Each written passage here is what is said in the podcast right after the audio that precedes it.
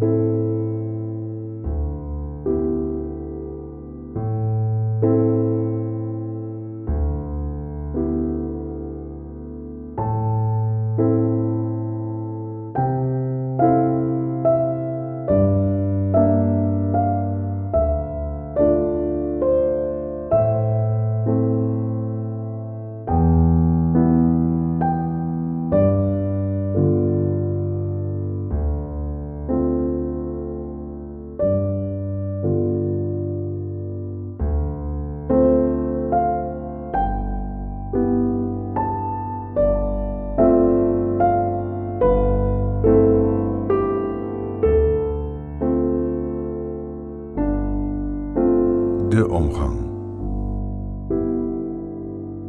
22 mei.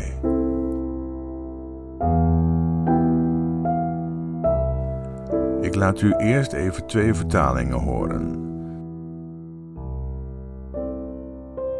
En hij zeide tot hen, al dus staat er geschreven dat de Christus moest lijden en ten derde dagen opstaan uit de doden en dat in zijn naam moest gepredikt worden bekering tot vergeving der zonden aan alle volken, te beginnen bij Jeruzalem.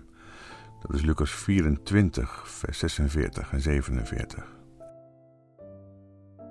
Een moderne vertaling maakt daar dit van. En ook dat namens de Messias het goede nieuws verteld moet worden. Dat is wat alle volken moeten horen. Begin een nieuw leven, dan zal God je fouten vergeven. Jullie moeten dat nu aan iedereen gaan vertellen, allereerst in Jeruzalem. Ik gebruik vaak die nieuwste Bijbelvertaling in gewone taal, de zogenaamde BGT, omdat ik dan niet zozeer te horen krijg wat er staat in het Grieks, maar wel wat de vertalers geloven. Dat helpt. Ja, het helpt u niet, maar mij als theoloog helpt het wel. U kunt beter een vertaling kiezen die probeert duidelijk te maken wat er in het Grieks opgeschreven is, in plaats van wat de vertalers er zelf al of niet van denken. Maar mij helpt het. Het zegt dus iets over de receptie van de tekst. Wat verstaat men zo al? Wat gelooft men zo door de bank genomen? Dan is de BGT een pracht van een bron, omdat hij vaak feilloos het gemiddelde geloof onder woorden brengt van mensen die zich er niet zo in hebben verdiept. Daarom vinden mensen het zo'n duidelijke en begrijpelijke vertaling, omdat er precies staat wat ze toch al wel dachten en geloofden. En blijkbaar geloven de mensen dat Jezus gezegd zou hebben dat de discipelen mensen moesten oproepen om een nieuw leven te beginnen en dat dan hun fouten worden vergeven en dan volgen er een paar eigenaardige woorden, allereerst in Jeruzalem. Wat wordt daarmee bedoeld? Toen ik predikant werd in een van de gereformeerde kerken in Nederland, moest ik me aan de kerkorde van die gereformeerde kerken houden en die kerkorde schreef een aantal taken voor predikanten voor. Een van die taken werd opgevat als de verkondiging van het evangelie en dan komt het, let op de volgorde, onder de Joden en onder de ongelovigen. Want de gedachte was, de Joden moeten bekeerd worden en christenen worden, dus bekeerd van hun Jood zijn tot een gelovig christen zijn, en vervolgens moeten de ongelovigen bekeerd worden van hun ongelovig zijn.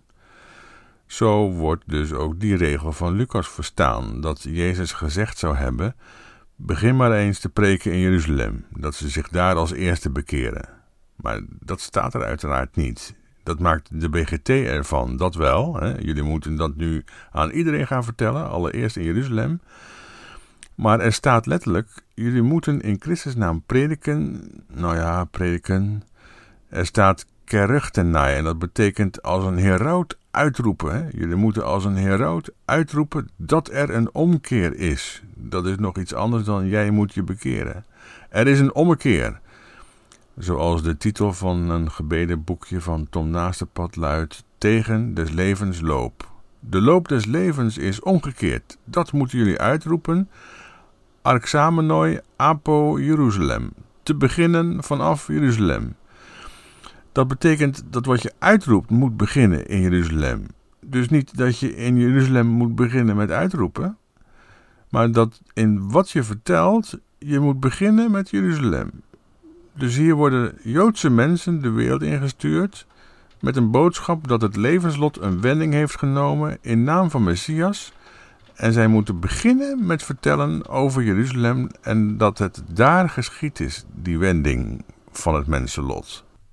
Zo vertaalt de Statenvertaling, die toch altijd nog steeds eh, de beste van allemaal is, maar helaas een wat verouderde grondtekst ter beschikking had, beginnende van Jeruzalem. Zo staat het namelijk ook in de profetie van Israël. Uit Sion zal wet uitgaan. Eh, niet de wet, er staat namelijk geen lidwoord in de tekst van Jezaja. Nee, uit Sion zal wet, Torah, uitgaan en de Heer woord uit Jeruzalem. Dus elke preek op elke christelijke kansel zou moeten beginnen qua inhoud, niet qua adressering, maar qua inhoud met wat er in Jeruzalem is geschied. Hoe in wat daar is geschied de loop van het leven een definitieve wending heeft genomen. Nou, er is dus nog wel wat werk aan de winkel. Bedankt voor het luisteren en tot maandag.